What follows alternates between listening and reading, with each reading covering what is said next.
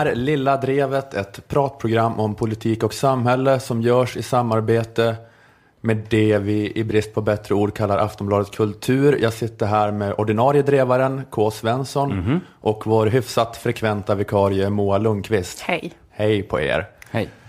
Jag tänkte att vi skulle börja veckans avsnitt med att prata om det mest oförlåtliga brottet en människa kan begå. Våldtäkt? Mm, folkmord. Landsförräderi. Aha. Aj, aj, aj.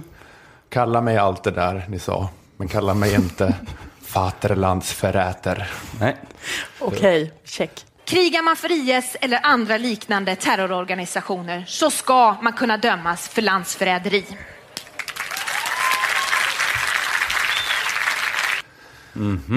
Visst får man en härlig illning längs ryggraden? Det är ett kraftfullt ord, landsförräderi. Ja, det är ju det. Ebba Det Busch, ju- Four. Khaleesi, Mother of Dragons. Hon viker sig inte. Nej. Nej, men det känns som att det var kanske Haijby senast som var i riskzon. Eller, liksom, Haijby. eller vad heter han, han som låg med kungen? Eller jag tänker liksom Ja. att det är, det är från den tiden. Fast det är klart att folk har dömts sedan dess. Ja, det är bara i krigstid, för jag tror inte att det har hänt sedan eh, då 1800, början av 1800-talet, eventuellt. Men, aha. När Sverige ligger i krig med ett annat land. Är det bara då man kan dömas? Ja, men alltså Stig Bergling heter han väl. Han dömdes väl för spioneri. Men det är ändå inte landsförräderi för att ja, då måste Sverige ha förklarat krig med en annan nation. Aha. Men jo, men Ebba i alla fall viker sig inte. Trots de här teknikaliteterna. Nej. Nej, var ska med? dömas för Eh, Ebba landsförräderi. Busch Thor som hördes här. Det kanske var någon som inte identifierade hennes röst. Ja, men jag sa det också. Oj, förlåt. Klipp bort. Det är eh, då eh, hennes och Kristdemokraternas absoluta krav. IS-krigarna ska dömas för landsförräderi. Hon var med i Aktuellt här för ett par dagar sedan eh, och debatterade detta med inrikesminister Anders Ygeman. Och då tänkte man ju Ebba, unleash the fury. Visa nu den här slappa, dumma, naiva sossen som tror att man kan bekämpa IS med fler fritidsgårdar och kramar. Eller hur? Han, hade, han hade inte vågat sätta in JAS-planen ens efter att IS hade ockuperat Bromma och halalslaktat hans mamma. Nej. Han hade sagt nu måste vi hjälpa de här killarna att hitta en väg in i samhället. Förtur till bostad och jobb och psykologhjälp. Du raljerar nu. Fler skilda badtider i simhallen. Då, det är så vi kommer åt det här. med, att, med att de är i Bromma. Det är sådana insatser vi måste göra. Det hade han sagt. Visa honom Ebba, berätta vad man ska göra med frihetshatarna. Eh, Och eh, jo, ja, först när vi kommer in på debatten, anledningen till, att, anledningen till att de har den här debatten, det var att eh, regeringen nu har presenterat sin nya strategi mot terrorism. Som bland annat då innefattat att kriminalisera resor, träningsläger och pengainsamling för terrorverksamhet. Okej. Och utökade befogenheter för dataövervakning och skärpta passregler. Eh, Så det är ju lite tuffare tag. För vilka? För, för IS-krigare? för terrorister. alla- Terrorister, ja. Alltså det kan nog också då innefatta nazister som åker till Ukraina. Jo, jo, jo. Men de, de vet vilka terroristerna är. Eller jag menar, har de inte skärpt passkraven? Har de haft exakt lika slarviga passkrav som när vem som helst går, igen, går över en landsgräns innan? Eh, jag vet inte. Jag, antar att det är lite så här nya situationer som de har fått ändra befogenheter efter.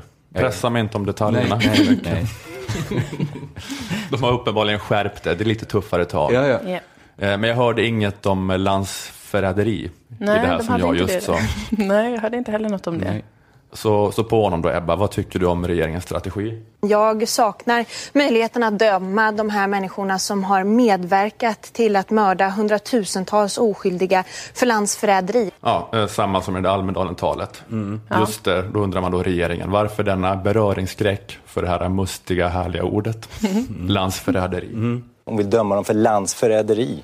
Är det något ni har övervägt? Vi har ju livstidsstraff för mord, vi har livstidsstraff för terroristbrott. Det är inte fler mördare eller fler terrorister dömda för att du döper namn på det till eh, landsförräderi. Landsförräderibrottet kräver ju att Sverige ska förklara krig mot en annan nation. Annars är det flera år av utredningar och lagändringar som krävs för att man ska kunna göra det. Aha, är det som tidelagslagen?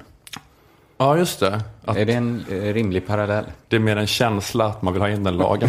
Det kommer inte göra någon skillnad i praktiken. För- Fast om man hittar ett sätt då att ligga med ett djur som inte är djurplågeri, eller hittar ett sätt att vara terrorist utan att bryta mot någon annan lag än landsförräderi. Ja, just det. Det är den luckan det ska täcka upp, den här nya landsförräderilagen då. Inte begå liksom något dödligt våld, Nej, liksom nej. terrorverksamhet. Eller planera något i lönndom, eller vad man nu inte fick. Fast i och för sig, icke-dödlig terrorism är också olaglig förmodligen om man gör någon här dataattack eller något. Det måste ja. finnas någon gräns för vad man får kalla terrorism. Det måste vara lite olagligt tycker jag. Annars tycker jag det är dålig terrorism. Ja, men det är en ganska bra parallell. Det, men det är, då, ing- ja, det är ingen skillnad i praktiken eftersom att det är livstidsstraff hur som helst.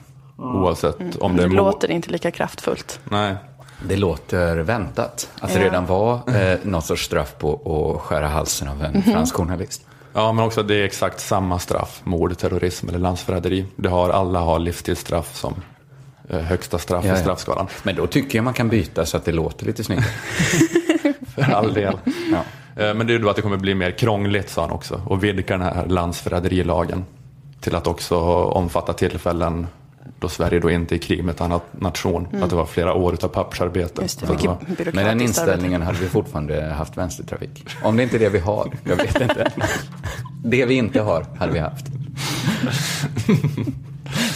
Den viktigaste lagen. Sluta kokettera med hur lite motorkille du är. Men det märkliga i eh, den här Aktuellt-debatten, eh, ni, hör, ni märkte ju att hon gick lite på pumpen här, Ja. men det är att samma replikskifte återupprepas.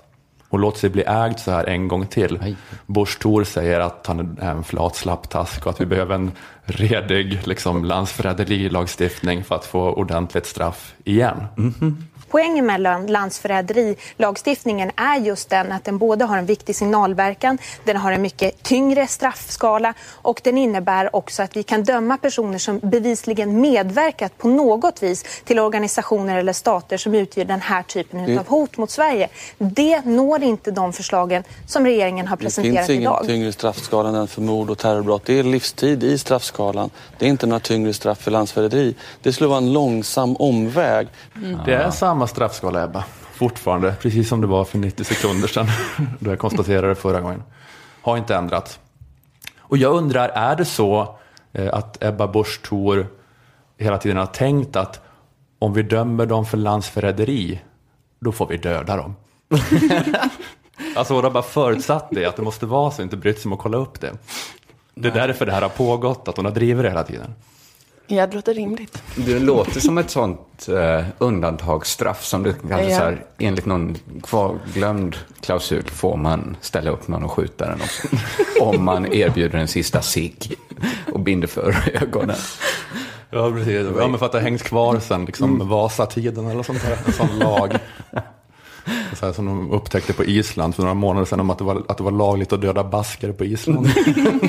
Fortfarande. Det är det Ebba har tänkt. Eh, om, Då är eh, det år som tar för att ändra en sån lag. Massor av pappersarbete.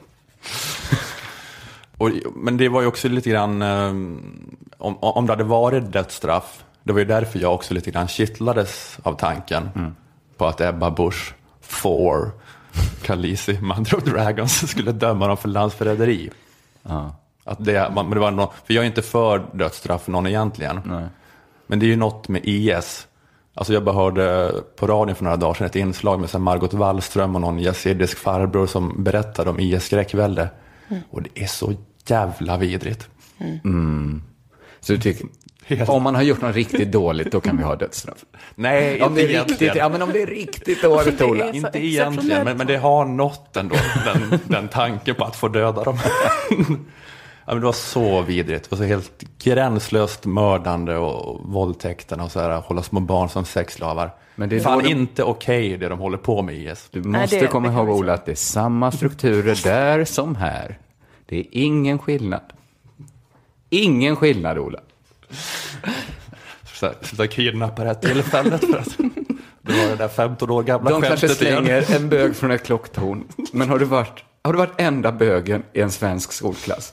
Det är exakt samma sak. Men ska du någon gång förlåta Schyman för det här? Men, eh, men jag tänkte att det, det, det är inte okej. det IS Nej, med. det kan man jag med vill- det jag vill säkerhet säga. här. Det är Och jag tänkte att okej. jag, jag kan säga det för att det har ko- framkommit lite klagomål från höger om att så här, popvänstermuppar och svenska feminister eh, är för dåliga på att ta avstånd från IS. Just det. Ja. La ni märke till den debatten? Ja, jag Mm. la märke till det. Att Jenny Nordberg på Svenska Dagbladet skrev en text med rubriken eh, Feministerna tiger om IS nya medeltid. Hon skrev kvinnor som är offer för IS har inte ens fått någon egen hashtag. Nej, det är ju sorgligt faktiskt. Det är, ju- Ännu mindre. det är ett misslyckande. Ännu mindre än handling från politiker. Eh, men, då, men Bush Thor eh, kräver handling när det gäller det här. Är ni beredda att till exempel bistå med JAS plan om det efterfrågas? Det har ju inte efterfrågats så vi får ta ställning till det om det skulle efterfrågas. Eh, ingen har begärt JAS-plan. Det som folk faller offer för IS framför allt har begärt av Sverige eh, är väl asyl. Så vitt jag vet. Och det är ju möjligheten till det som så här, Svenska Dagbladet och Kristdemokraterna och liknande vill begränsa. Och det är möjligt att de här människorna som hotas av IS eh, inte själva vet vad de bäst behöver. Att det kanske är JAS-plan och hashtag. Men i och med att de inte har begärt det är det ändå lite så här kaxigt tycker jag att så här peka finger åt vänster mot de människor som då i större utsträckning än en själv vill ge IS-offren det de begärt. Alltså lite kaxigt att vara så säker på att när historien skrivs, då kommer domen falla hårt. Den kommer falla hårt. Inte över de som underlät att erbjuda en fristad, utan över de som underlät att skapa hashtaggen eh, backa yaziderna. Men, eh, men skitsamma, det var ett sidospår. Ja. Eh, Det jag sa var att IS eh, är så jävla vidriga. Ja. Så därför var det något då som kändes härligt med att de skulle dömas för landsförräderi. Om det då innebar att Ebba Busch Thor, Madder av Birger, som hennes son heter, att hon skulle, jag menar att, om det innebar att hon skulle sitta på en tron på Sergels torg och ha fångade IS-krigare framför sig och sen så göra tummen ner. Och Då skulle, hade du... det hade jag inte varit för dödsstraff, varit för men, dödsstraff, men det nej. hade nått. Att den uppeldade pöbeln skulle få spela fotboll med deras huvuden sen. Obs egentligen inte. Nej. men Mot dödsstraff.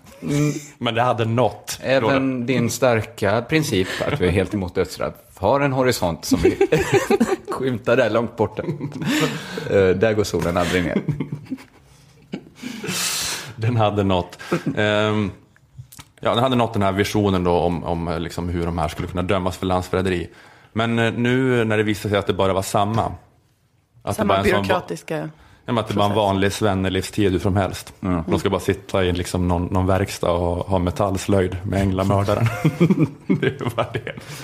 Då- Lära då får- för livet. Ja, då får du inte den här episka känslan som jag såg framför mig med Ebba Busch Thor på en tron. Ehm, ja, men så nu, nu är det då helt, helt meningslöst med landsförräderi. Men är, är det inte också lite så här konstigt att, att ha rubriceringen landsförräderi om man vill visa sig kraftfull? För jag tror att de flest, för, för de flesta svenskar så, liksom, så klingar inte landsförräderi värre än mord eller terrorism. Nej, det, det klingar lite gammalt gör det väl mest. Ja, jo, precis. Det är som sagt det är ett kraftfullt ord, men, men mord låter ju också Mord väldigt låter ju kraftfullt. som att det är liksom Det är det. bland det värsta. Ja, men det fanns liksom en tid då kanske liksom, då Vaterlandsförräter automatiskt ansågs vara eh, sådana som hörde hemma i helvetets nedersta krets. Men det Just det, kanske men- var, det var innan första världskriget. Men du har ju efterfrågat en starkare nationalism. Du kanske, det kanske kommer med sånt här? Ja. Att det kommer kännas hårdare att, Det kanske... att förråda sitt land. Ja, ja, men på ett sätt så, så är det positivt i den utvecklingen då. Men jag undrar bara liksom som politisk kommunikation, hur väl det faller ut. Nej, nej, så. Alltså det klingar ju lite komiskt nästan, bara med så här landsförrädare idag. Det känns som han har ritat liksom en riktig så här nidbild av kungen. Ja, men det är nästan så kungen här, tappar byxorna. det är så här skönmåla IS liksom, att, att IS är som Carl Johan De Geer eller någonting. Vad reducerar de till det? Men för att landsförrädare idag, det är ju någon så här liksom mellanmjölksrebelligt över det nästan. Alltså som att gå med i Republikanska föreningen eller förespråka att det ska vara tillåtet att röka på uteserveringar. Det är bara så här, man är så här lagom tuff. Alltså så är det ju varje 6 juni att varje svenne blir rebell. Även, även de ängsligaste i en sociala me- medierflöden kan ju dela den där jävla Carl Johan De Geer, kuken på svenska Just flaggan-bilden. det, just det. Helt, eh, helt safe för det. Ehm, Ja, men jag tror den, om man bytte ut den mot att det stod kanske så här eh, Sverige istället för kuken, så skulle det vara mycket mer starkare ja, just det. att vara nationalist idag än att inte vara nationalist. Ja, verkligen så otroligt eh, mycket mer av ett eh, provokation och risktagande. Säg att, att ordet kuken är mindre starkt än ordet Sverige. hon bara twittrar ut hurra för Sverige på 6 juni. Bara. Det är det här som normaliserar. Stoppa upp flaggan i röven. Helt okej. Han skrev Sverige på svenska flaggan. Nåväl, eh, det var eh, lite motig dag på jobbet för Bush Thor. Ja, men som du sa, det här med efterfrågan i nationalismen, jag tror jag kommer återkomma till det här lite senare i programmet. För, för vi pratade ju om det lite löst, som sagt, förra veckan, om, om nationalism och vi ska ju göra av den här härliga känslan när, när John Guidetti kysser flaggan. Just det. Hur ska vi kanalisera den känslan? Nu ska den bli något bra. Eh, och eh, om det är så, då att Bush Thor kanske är något på spåren när hon lyfter fram eh, frågan om landsförräderi. Och att det kanske är, en- man ska problematisera hela det här då, att det är så jävla mainstream med att, att skriva kuken på svenska flaggan. Ja, ja, skitsamma. Om ni ska prata om andra saker, Japp. fan vad roligt. Eh, nu kör vi igång. Eller vi fortsätter om vi redan är igång.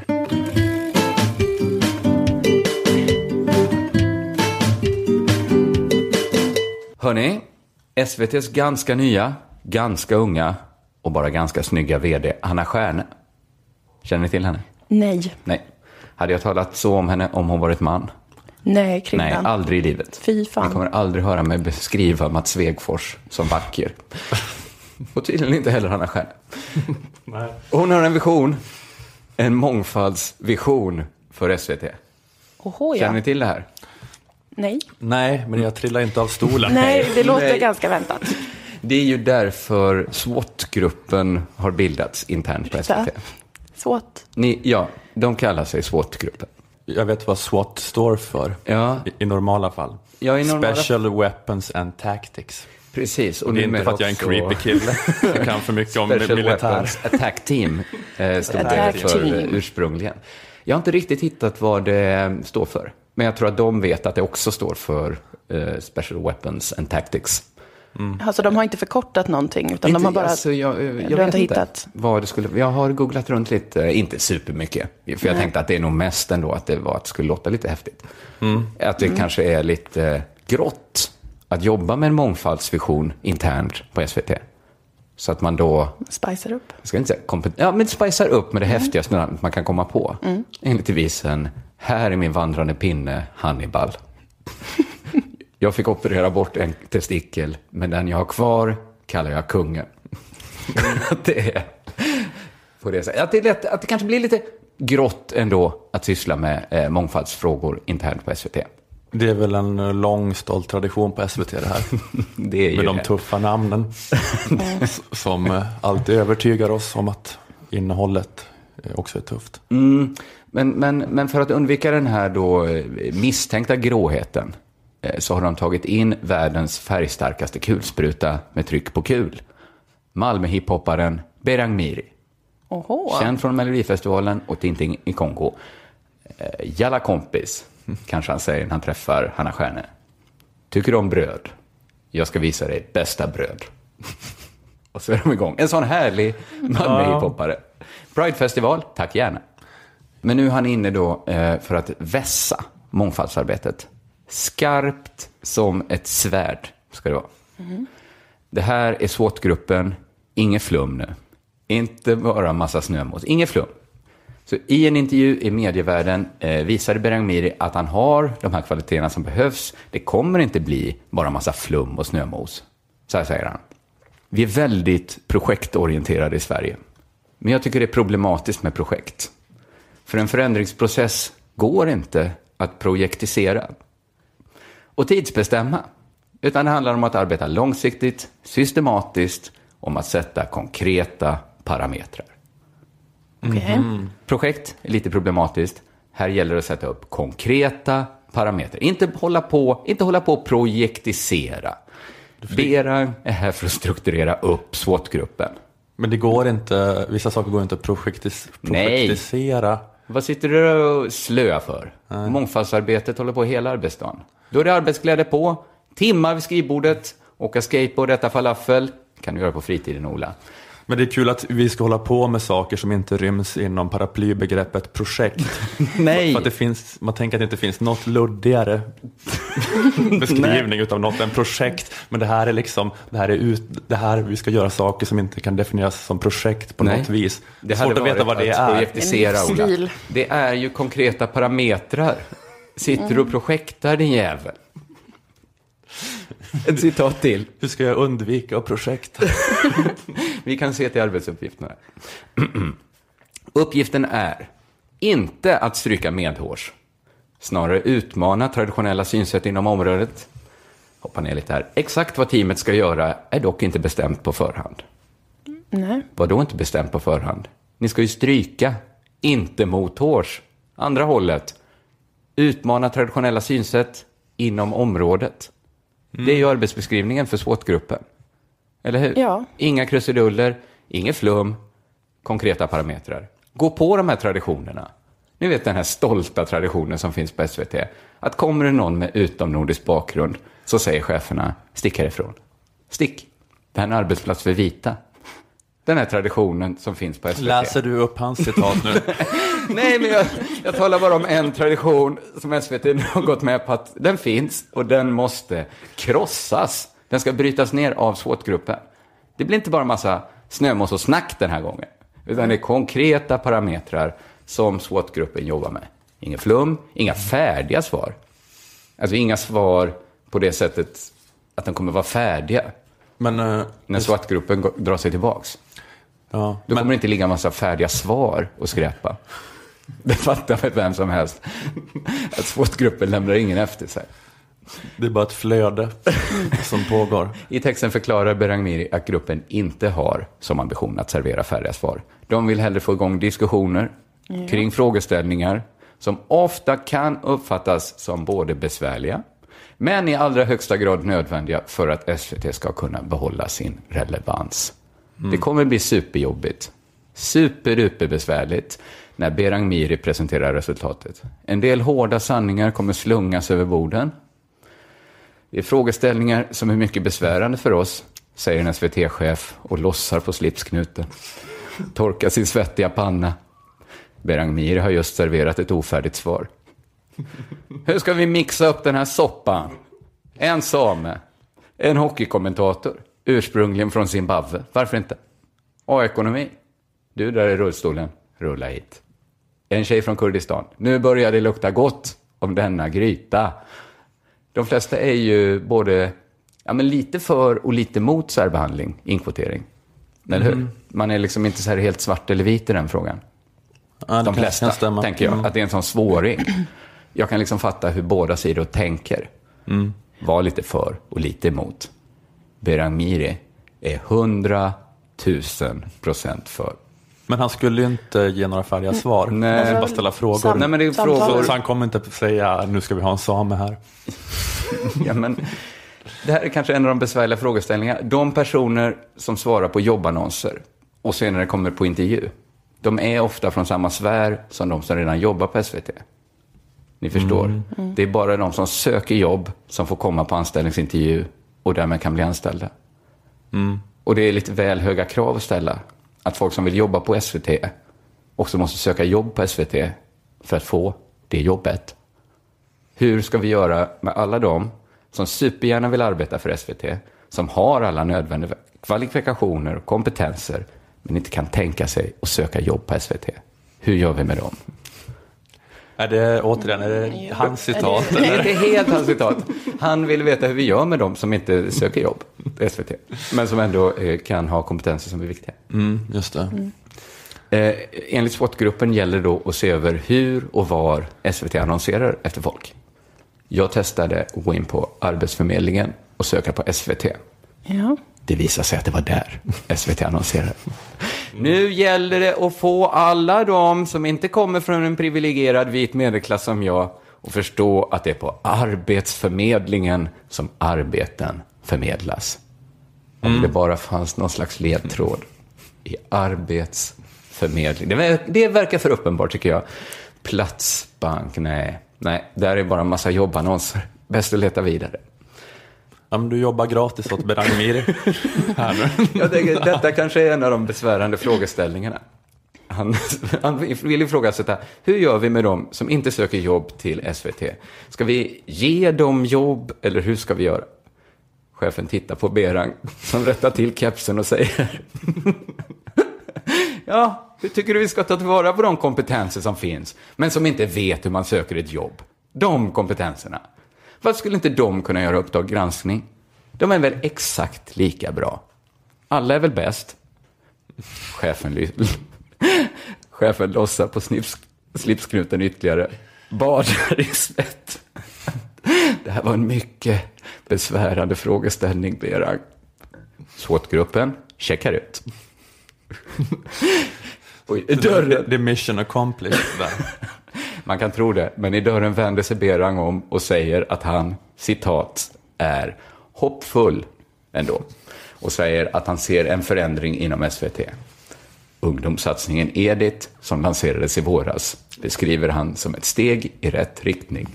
Slutcitat. Du tycker att det räcker som punchline? Vad så roligt att se Edith som ett steg i rätt riktning. Vi bara säger det, sen så sk- skrattar vi. Slår oss på knäna och skrattar. Jag vågar inte säga någonting. Nej, du ska inte säga Edith. Du ska inte säga. Det är jättebra sagt. Ja, men han- han menar att det är problemet att det är liksom för mycket bara vita medelklassmänniskor helt enkelt i, som syns i SVT. Det kanske, jag, jag tänkte att det, det, det kan vara bra en sån där SWAT-grupp som är där och förklarar för SVT-cheferna att de här Kronlövsystrarna, de är ju vita. Ja, någon kunde säga det. Jag tror Ig- Igor har fattat det. Jag har också tänkt att de inte är det, så var det någon som sa det till mig, de är ju vita. Så jag bara, nej. Då bara börjar man tänka, de är- kronlöv, Ja, just det, det låter fan inte persiskt. De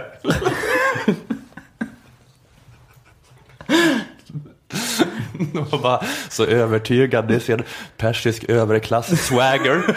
jag trodde, jag hörde inte att de hette Kronlöf.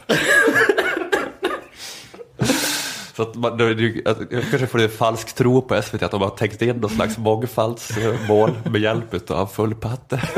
Men det har ju faktiskt inte hänt. Nej, Då tänker jag att det nej. är bra att Berang Mir är där och säger så här, obs, de är vita.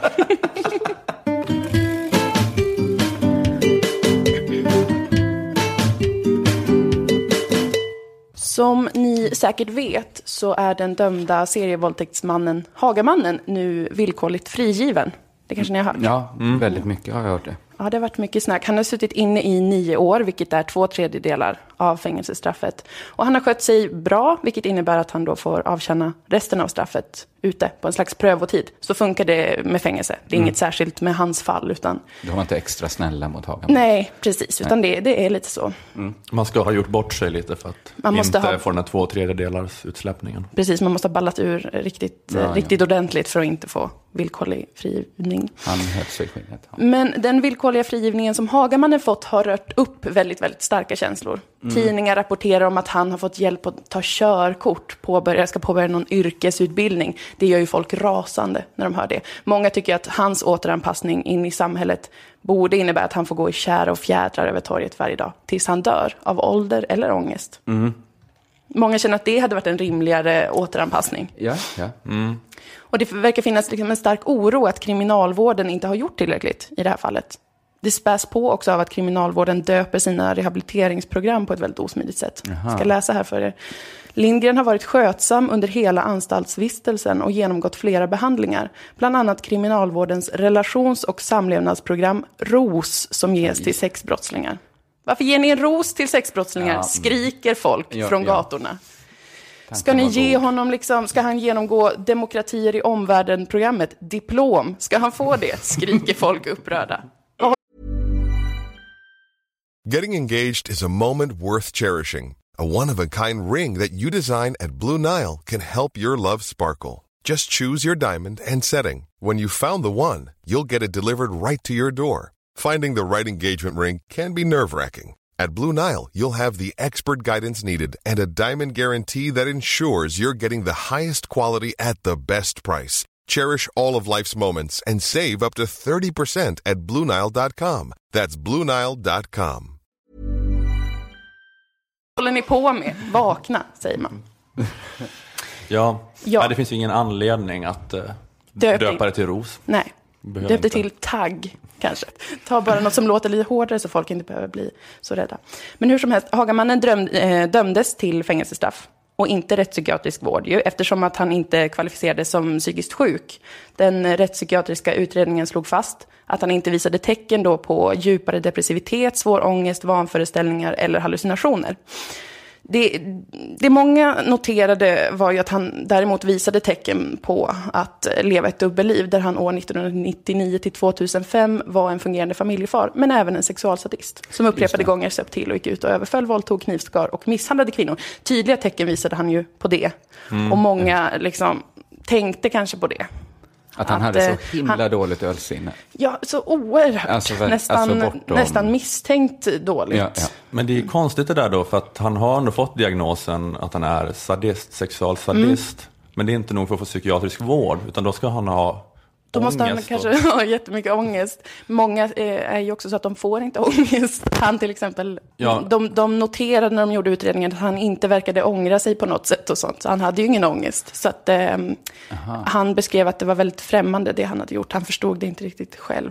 Men det Nej, men, och de har liksom, sett att han har stor återfallsrisk. Eller jag, förstår, Ja. jag förstår inte när man kvalificeras för psykiatrisk vård, för det här låter ju som, en så här, som ett klockrent tillfälle då att någon inte har bearbetat det på något sätt, inte visar något tecken på ånger. Och det är stor återfallsrisk. Att det låter Ja, som en sån fall då man ska Ja, jag, jag, det är väldigt mycket stating the obvious nu antar jag, som alla har sagt om det här. Men det är ju det är ju konstigt. Ja, men precis. Men i juridisk bemärkelse, det kan ju, vi är ju inte jurister, vi som Nej. sitter här. Så vi Nej. vet ju inte. det. Det är liksom, I juridisk bemärkelse räknas inte de här tecknen som han visade upp just som att man är lite psykiskt off. Nej. Utan det räknas som att man är lite av ett fyllo. Man, är lite, man får skärpa sig. Sluta bli dumfull, säger man. Bli inte så full så att du förstör på det här Ta sättet. varannan vatten. Mm, precis. Och det, det är uppenbart att det finns en rädsla kring hur Hagamannen hanteras. Kanske på grund av att vi också har en oerhört eh, lång tradition av att inte ta problem som drabbar specifikt kvinnor på så stort allvar. Endometrios, att bli tjock av en smoothie-diet, sexuellt våld och att få diarré av Charlotte Perrellis proteinpulver för kvinnor. Det är några exempel på, på kvinnoproblem som samhället blundar för. Inte blundar kanske, men Kanske inte kisar. ens sett dem, men det är också att vara skyldig att inte ha tagit reda på. Ja, men må- många... Det görs ingen forskning på Perrellis proteinpulver. Nej, precis. Och man forskar på manssjukdomar. Ja, man forskar på aids ma- och- manligt proteinpulver kanske. Så många är rädda för att man tänker att sexualförbrytare kommer undan och kan fortsätta skada kvinnor. Eftersom att det hotet inte tas på tillräckligt allvar. Och när kvinnor liksom får diarré av Charlotte Perrellis proteinpulver för kvinnor så är, så är man snarare rädd och tänker det kanske var mitt eget fel. Ja. Det, här, det finns kanske en anledning. Och så vidare. Det, det är ett sånt samhälle vi lever i så rädslan är ju begriplig inför detta med Hagamannen. Men den hetska stämningen kring Hagamannen, kring hans villkorliga frigivning, har fått eh, vissa konsekvenser kan man säga. Som att han blev misshandlad ganska direkt efter att han hade kommit ut. Och efter det start- startades även en insamling på internet med pengar som ska gå till dem som misshandlade honom som ett pris. Uh, ah, det är ju... Man får känna som man vill inför Ja, det. absolut. absolut. Men det kan eh, kännas pyttelite som att det är en slags lynchmobb som, Ja, lite som så. sätter... eh, För man trodde ju att om den lynchmobben någon gång skulle komma så var det väl inne i fängelset. Ja, men Det är lite var... underbetyg tycker jag till Hagamannens medfångar. Och den traditionen som finns där, som borde vara mycket starkare än i samhället. Men han nu tror jag fick stryk där någon gång. Ja, Det var han och änglamördaren var ju kompisar i fängelset. Just det. De bara satt och eh, slöjdade i ett hörn. För i- ingen, Där faktiskt. ingen, ville vara, ingen ville vara med dem. För Nej, de de står lågt i eh, kurs. status. Men nu när Hagamannen är en eh, delvis fri man så går han alltså inte säker. Han måste ständigt höra att han ska hålla låg profil för att inte bli skadad och misshandlad. Man försökte ju få honom att hålla sig från Umeå till exempel för hans egen säkerhet. Exakt. Men det är så jävla spooky med Hagamannen det här att inget går in då. Att det inte går in att han har gjort det här och att han bara, jag ska bara vara i Umeå nu. Jag ska bara jobba. Men Att- jag att- tror att- det är ju ett superbetyg till Umeå kommun. De skulle nästan använda Hagamannen i någon sorts kampanj. Att Så här bra jag är beredd att ta en golfklubba i huvudet för Umeå. Bara jag får bo i Umeå, björkarnas stad. Jag längtar så mycket till Med fara för mitt eget liv tänker jag bosätta mig i Västerbotten. Men folks, Men det- eh, folks misstro då mot rättssystemet har ju nu resulterat i detta att Hagamannen nu måste leva som om han var en kvinna i Umeå under åren 1999 till 2005. Just det. Han måste varje dag möta skräcken i att aggressiva män kanske kommer skada honom. Från ingenstans kan de dyka fram och slå honom i bakhuvudet. Han måste känna eh, skam och frustration när han måste läsa tidningen där en kriminolog från Umeå universitet säger citat Hagamannen kan ha provocerat fram det här våldsdådet själv. Han, fast han inte vill så kanske han börjar tänka på vad han har på sig. Så Ja. den här vindjackan är lite väl stor. Den här Skriker, stan, känns den här stan liten? skriker de här jeansen, här kommer en äkta sexualsadist. Kanske han är tvungen att börja tänka. Och det är ju vidrigt och inte värdigt ett eh, Nej. modernt rättssamhälle. Så av den anledningen kanske man skulle önska att någon tittade närmare på det. Ja, just det. Ja. Man ska få klä sig som en sexualsadist. Annars lever vi inte i ett rättssamhälle.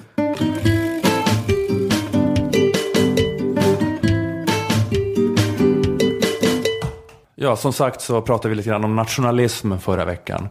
Eh, För att jag hade lyssnat på den här kommunistpodden Marcus och Malcolm. Där de pratade om det ämnet. Eh, Och då eh, höll vi på att fundera lite grann på ifall det så att det behövs en ny progressiv nationalism. Hörde du det här Moa? Mm, jag lyssnade faktiskt. Om att de andra partierna kanske måste utmana Sverigedemokraterna i nationalism. Vi pratade om ståndet du fick, Kringlan. Behöver inte prata När John Guidetti i sommarens EM-final smällde upp straffen i nättaket och sen kysste den blågula flaggan på sitt bröst. Att det ståndet fortfarande inte har gått ner trots att du sagt, boxar vi på det varenda inte- morgon. ja. Gymnaster kan använda det ståndet som barr Det och gå upp i veckan handstående på det. Men eh, nu känns det ju... Jag har suttit med gåspennan och skrivit hela veckan. Spunnit vidare på det här. Du har ju deltagit i sådana här strongman-tävlingar och dragit lastbilar med det här ståndet. Men det har ändå inte rubbats. Okej, jag, skit, jag, skit, Nu är alla, jag skiter i nu är alla i rummet bekymrade, brydda. Eh, Men det är de här starka känslorna eh, av livsenergi Mm, och livsdrift som politiska rörelser exploaterar för att kunna skapa en rörelse. Just det. Ett demos, skapa en stor grupp människor. Och det här fick mig då att tänka eh, på något jag hört. Den här eh, slovenske filosofen och kulturteoretikern Slavoj Zizek prata om. Ja. Vet ni vem det är? Ja. Absolut. Och alltid intressant att lyssna på. Eh, Man är så konstant osäker på om man är jättesmart eller bara världens äldsta gymnasieposör. Är. Men han låter väldigt mysig. Han låter ju som en intellektuell, det är kanske det man gillar. Världen känns som att den är i ordning. Eller, han, eller han ser ut och låter som en filosof. Att han har rufsigt hår och pratar engelska med lustig brytning. Ja. Och är så här hetsig och excentrisk. Ja. Han ser ut som en sån som ointellektuella tänker att en intellektuell ser ut. det är därför vi gillar honom. Um, apropå det här då med starka känslor som exploateras politiskt. eh, så har han en spaning om Beethovens nionde symfoni. Jaha.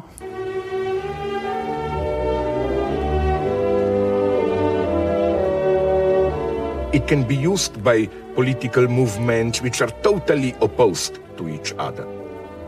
In Nazi Germany, it was widely used to celebrate great public events. In Soviet Union, Beethoven was lionized and the Ode to Joy was performed almost as a kind of a communist song. Ehm, Okej. Alla politiska rörelser har använt Beethovens nia, nästan. Han fortsätter att ta upp fler exempel ja, som ja. Maos Kina, Rhodesias apartheidregim, någon vänsterextremistgerilla i Peru. Alla gillar Beethovens nia. Idag är det Europeiska unionens anthem. Exakt. Ja, det. EU-hymnen. Men, Jaha, men vad spännande. Det här visste inte jag. Inte jag heller. Men eh, det är då olika grupper som är bittra fiender, har motsatta ideologier, men de jobbar ju då med, med samma känsla. This is how every ideology has to work. It's never just meaning. It always has to also work as an empty container, open to all possible meanings. It's, you know, that gut feeling that we feel when we experience something pathetic and we say, oh my God, I'm so moved. There is something so deep. But you never know what this depth is. It's a void. Eh, Precis, magkänslan du får när du upplever något patetiskt och blir rörd. Den magkänslan är en empty container, en tom behållare som kan fyllas med vilket innehåll som helst. Alltså Beethovens nia eller John Guidettis straff är saker som rör dig på djupet men de betyder ingenting och kan därför betyda vad som helst. Alltså du kan, du kan fylla dem med vilket innehåll som helst. Men menar du att det finns andra saker som betyder någonting? Eller vad är det frågan om? Ja, Jaha. det finns det. Finns det. Ja, men det, ja, det finns, eh, ja, men betyder Beethoven kommunism eller nazism? Betyder John Guidettis kyssande av flaggan rädda Syrienflyktingar eller fuck Syrienflyktingar? Det är ju helt, Det är up, att- det är helt up for grabs. Ja. Vilket Sverige det är han kysser. Och eh, eh, Zizek exemplifierar det med att vi inte får avfärda så alla element som nazisternas ideologi var uppbyggd av. Okej. Att det, var, det är inget så här liksom urfascistiskt med de liksom, eh, byggstenarna. We should never forget that the large majority of these elements, which we today associate with fascism, were taken from the workers' movement. This idea of large numbers of people marching together, this idea of strict bodily discipline as our duty. The Nazis directly took this over from social democracy. Men ja, tyska sossarnas propagandamöten såg likadana ut som nazisternas. Då att det är samma härliga känsla av starka, vackra, friska kroppar som reser sig som ett kollektiv och säger morgondagen tillhör oss. Känsla, men känslan då exploateras för olika politiska syften. Ja. Exakt, vad, exakt hur ska den här morgondagen se ut? Men det är samma känsla. Eh, att nazisterna liksom exploaterade typ en evig urkänsla. Därför tycker Zizek också att, att Rammstein är extremt politiskt viktiga. Det är ett bra band. Bandet? Tyska bandet, som då, de har ofta blivit anklagade för att de flörtar med nazistestetik. Okej. The minimal elements of the Nazi ideology enacted by Rammstein are something like pure elements of libidinal investment.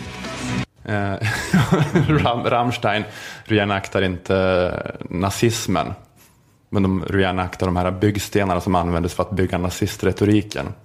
Och det är då så här byggstenar som så här kittlar libidon, innan, så här livsenergin och driften.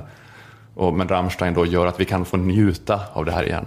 Enjoyment has to be, as it were, condensed in some minimal tics, gestures, which do not have any precise ideological meaning.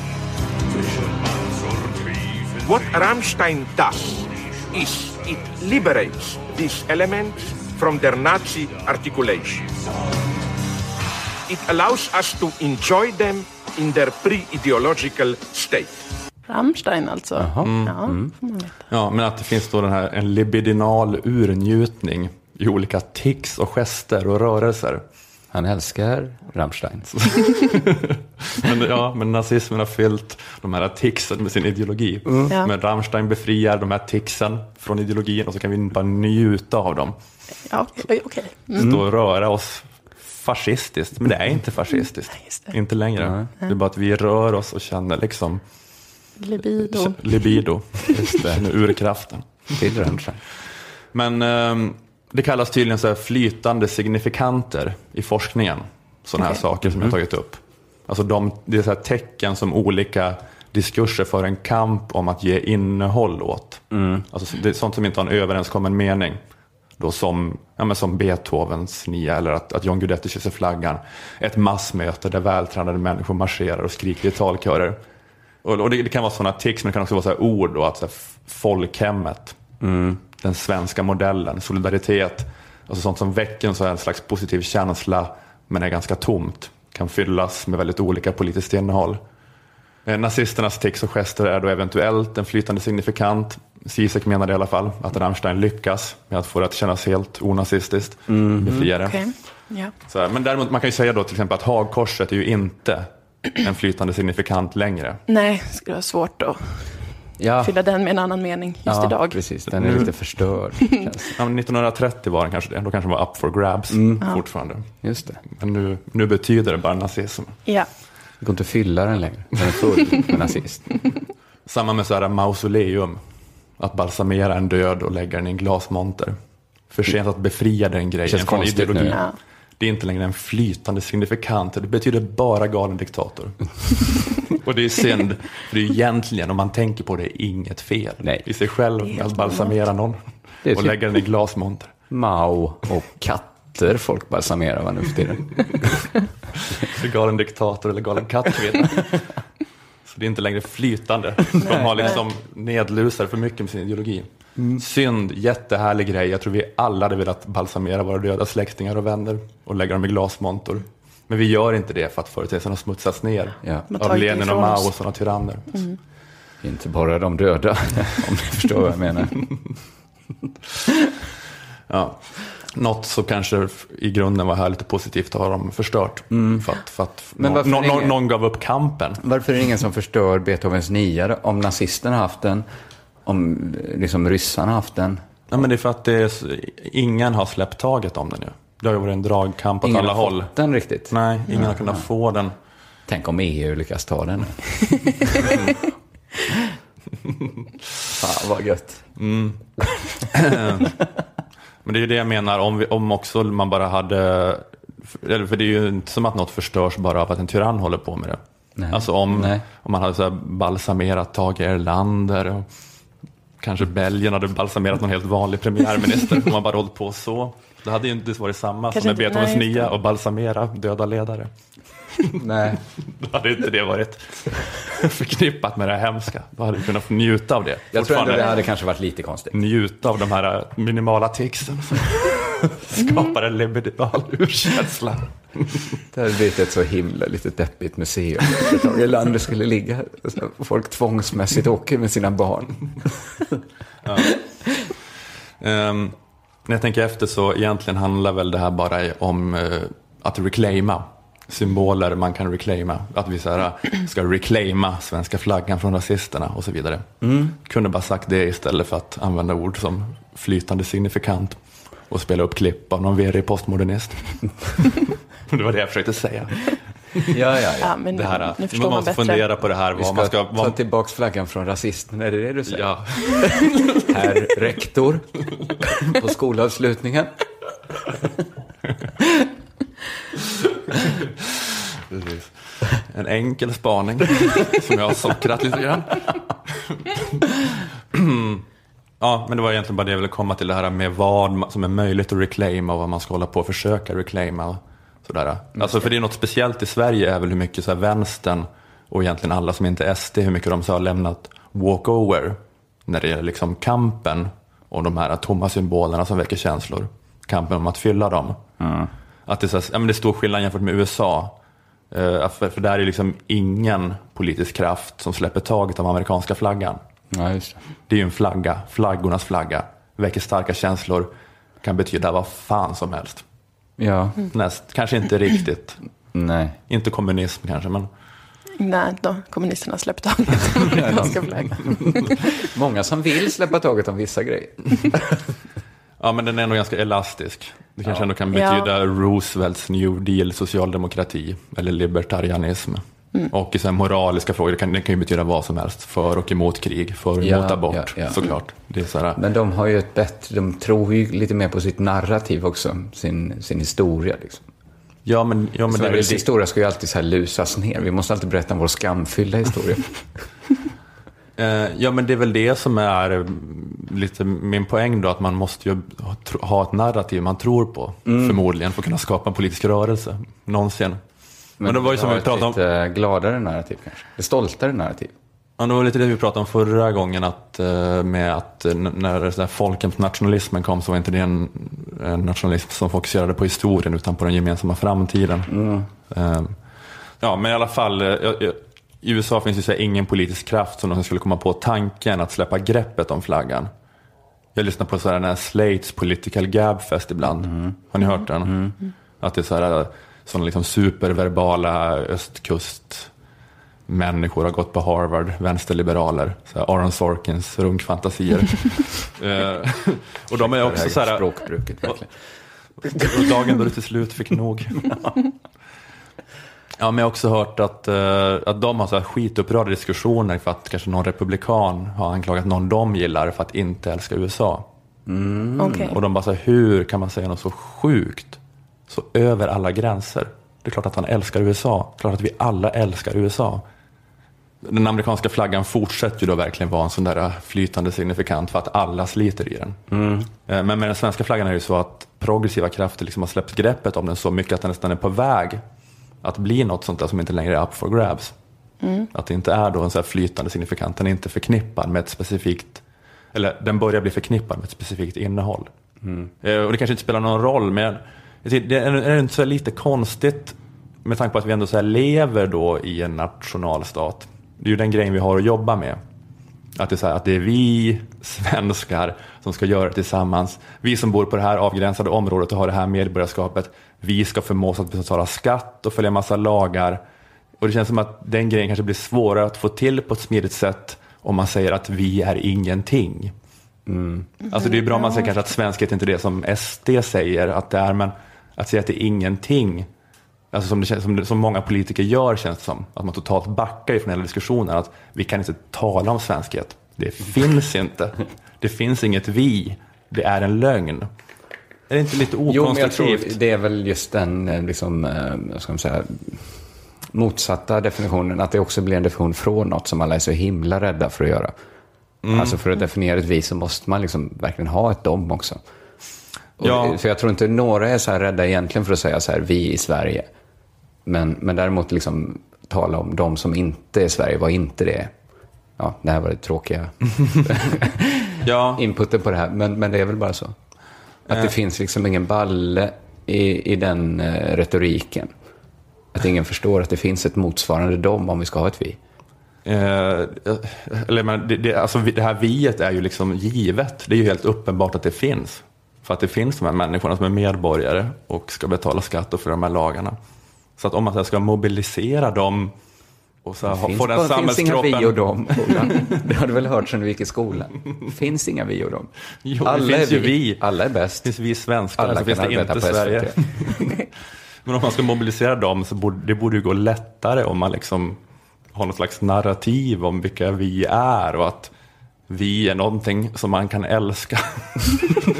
Eller jag menar, ja, men på riktigt. Alltså, jag, jag tycker, alltså med det här då att hålla på och säga, säga så som, som har blivit helt mainstream som vi pratar om att alla kan dela Carl Johan De Geer eh, och säga att allting bara är en lögn. Och, och det är inget fel med det, att hålla på med den, så här Carl Johan De Geer, kuken på svenska flaggan, så här, att, att, att man gör det om man är, så liksom, om man är typ vi. Eller att så här, konstnärer eller popmusiker eller sådana gör det, att, att man jobbar med sån cynism. Det är klart att den ska få, få plats, också få plats kanske inom så här, utom parlamentarisk vänster, sån politik.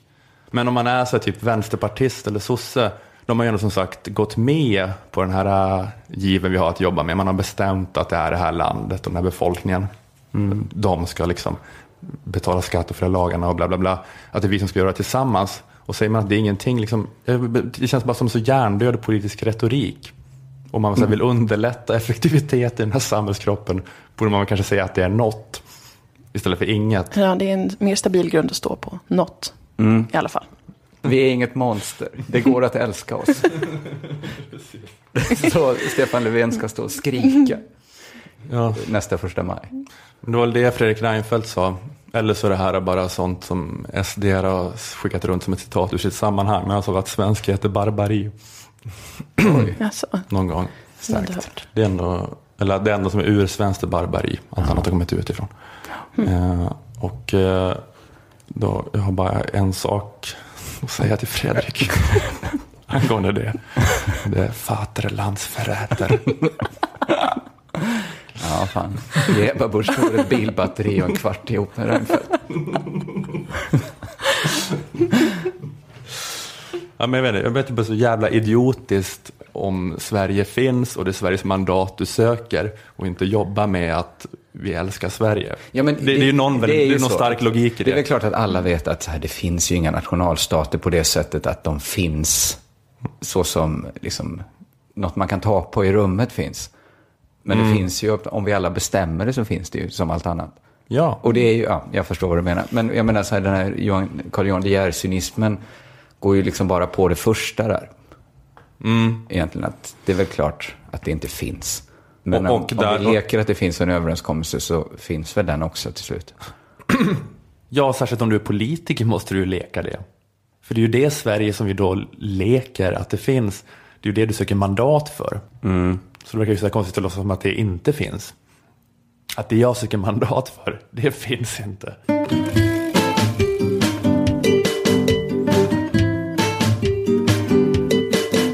Vi spelar in här i Malmö idag, Svar ja. vid Triangeln. Eh, lite, en bit härifrån, vid Möllevången, här i Malmö, eh, finns det en plats som går under namnet Knarkrondellen.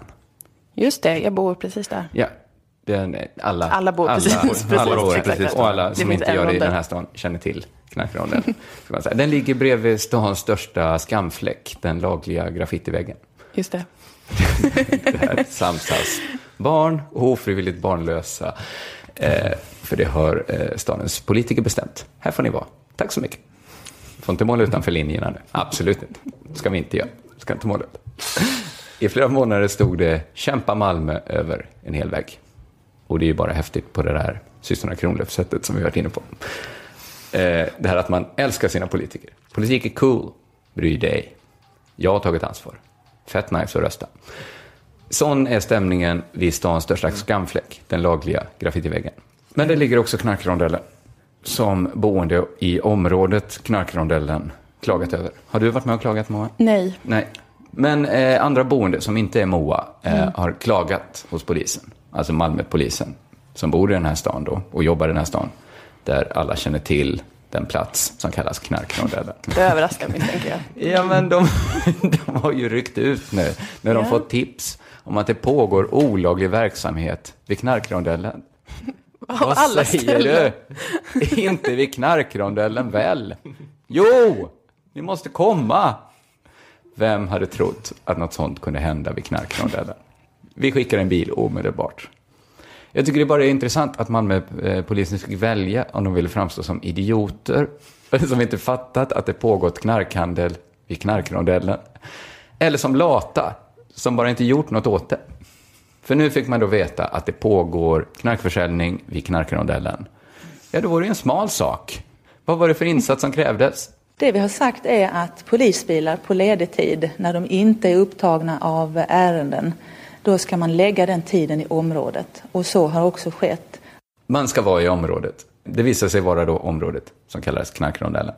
Eh, men det fanns fram till anmälan ingenting som talade för att det var knarkförsäljning som pågick vid knarkrondellen. Nu fick man tips, då var det en baggis. Och det har man gjort eh, på olika sätt. Antingen så har man eh, kört i området för att skapa trygghet eller så har man klivit av bilarna och, och visat sig. Men nu har de i alla fall då åkt runt och ibland till och med klivit ur sina bilar i området knarkrondellen. Eh, sett så att inget fuffens pågår i kvarteret var, nej, jag tyckte bara det var lite kul. Vi kan runda av det här programmet nu så det inte blir för långt. Det ligger ju också, det har ju varit eh, lite diskussion om det här eftersom det ligger ett dagis precis vid knarkrondellen. Just det, att Så de att- små barnen Ja, har så nära tillgång som till. lämnade in sina barn på dagiset, de valde det som låg vid knarkrondellen. Och sen blev de supersura när de kom på att Heter det, det förskolan det Knarkrondellen? pågår tydligen någon sorts knarkförsäljning här. Det- Det kan inte vara bra för barnen. Förskolan Knarkrondellen. Avdelningarna Kanylen och... ja. Kommer inte på något annat. Det hedrar dig. Um, Okej, vi rundar av det då. Eh, jag heter Ola Söderholm. Ni heter K. Svensson och Moa Lundqvist. Tack för den här veckan. Uh, ville du säga någonting innan? Ja, bra att du sa det. Min och min, ja vi säger min, min standupklubb Under jord, eh, som är här i Malmö, i Tangopalatsets källare, har premiär den 9 september. Och det finns fortfarande lite biljetter kvar på biletto.se snedstreck under jord. Så kom dit, det, det, hade, det kommer bli jätteroligt. Och det är ganska billigt. Det är faktiskt det är skrämmande billigt. Kul. Eh, ja, det här var en eh, nationalistisk podcast för Aftonbladet Kultur. Vi hörs igen nästa vecka. Hej då. Hej. Hej då.